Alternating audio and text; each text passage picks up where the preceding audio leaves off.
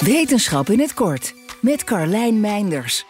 Afrikaanse zandhoenders, ze zien er een beetje uit als een zandkleurige duif met exotische patronen, hebben een slim trucje om water te verplaatsen van de ene naar de andere plek. Onderzoekers ontdekten dit toen ze ongelooflijk ver inzoomden op de veren van de vogel. Met het trucje lukt het mannetjeszandhoenders om zo'n 15% van hun eigen lichaamsgewicht aan water te verplaatsen naar hun jongen. Terwijl ze bijna 65 km per uur vliegen, een half uur lang.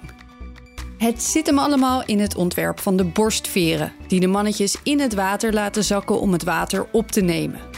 Zo'n 50 jaar geleden werden de speciale veren al ontdekt, maar hoe ze precies water vasthouden, dat kon nu pas aangetoond worden dankzij hoge resolutie microscopen.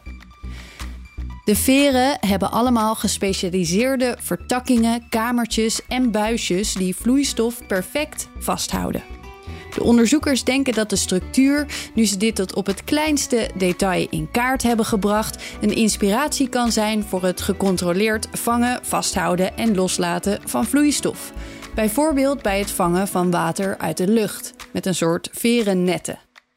Ook denken ze aan een nieuw soort waterzakken en flessen, waarin een op de zandhoen gebaseerde verenstructuur zou kunnen zorgen dat het water niet klotst als je het met je meedraagt.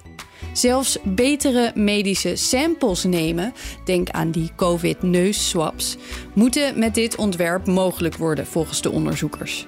Oh ja, en goed om nog even te vermelden: de veren die zijn onderzocht kwamen van een mannetje uit de collectie van het Harvard University Museum of Comparative Zoology.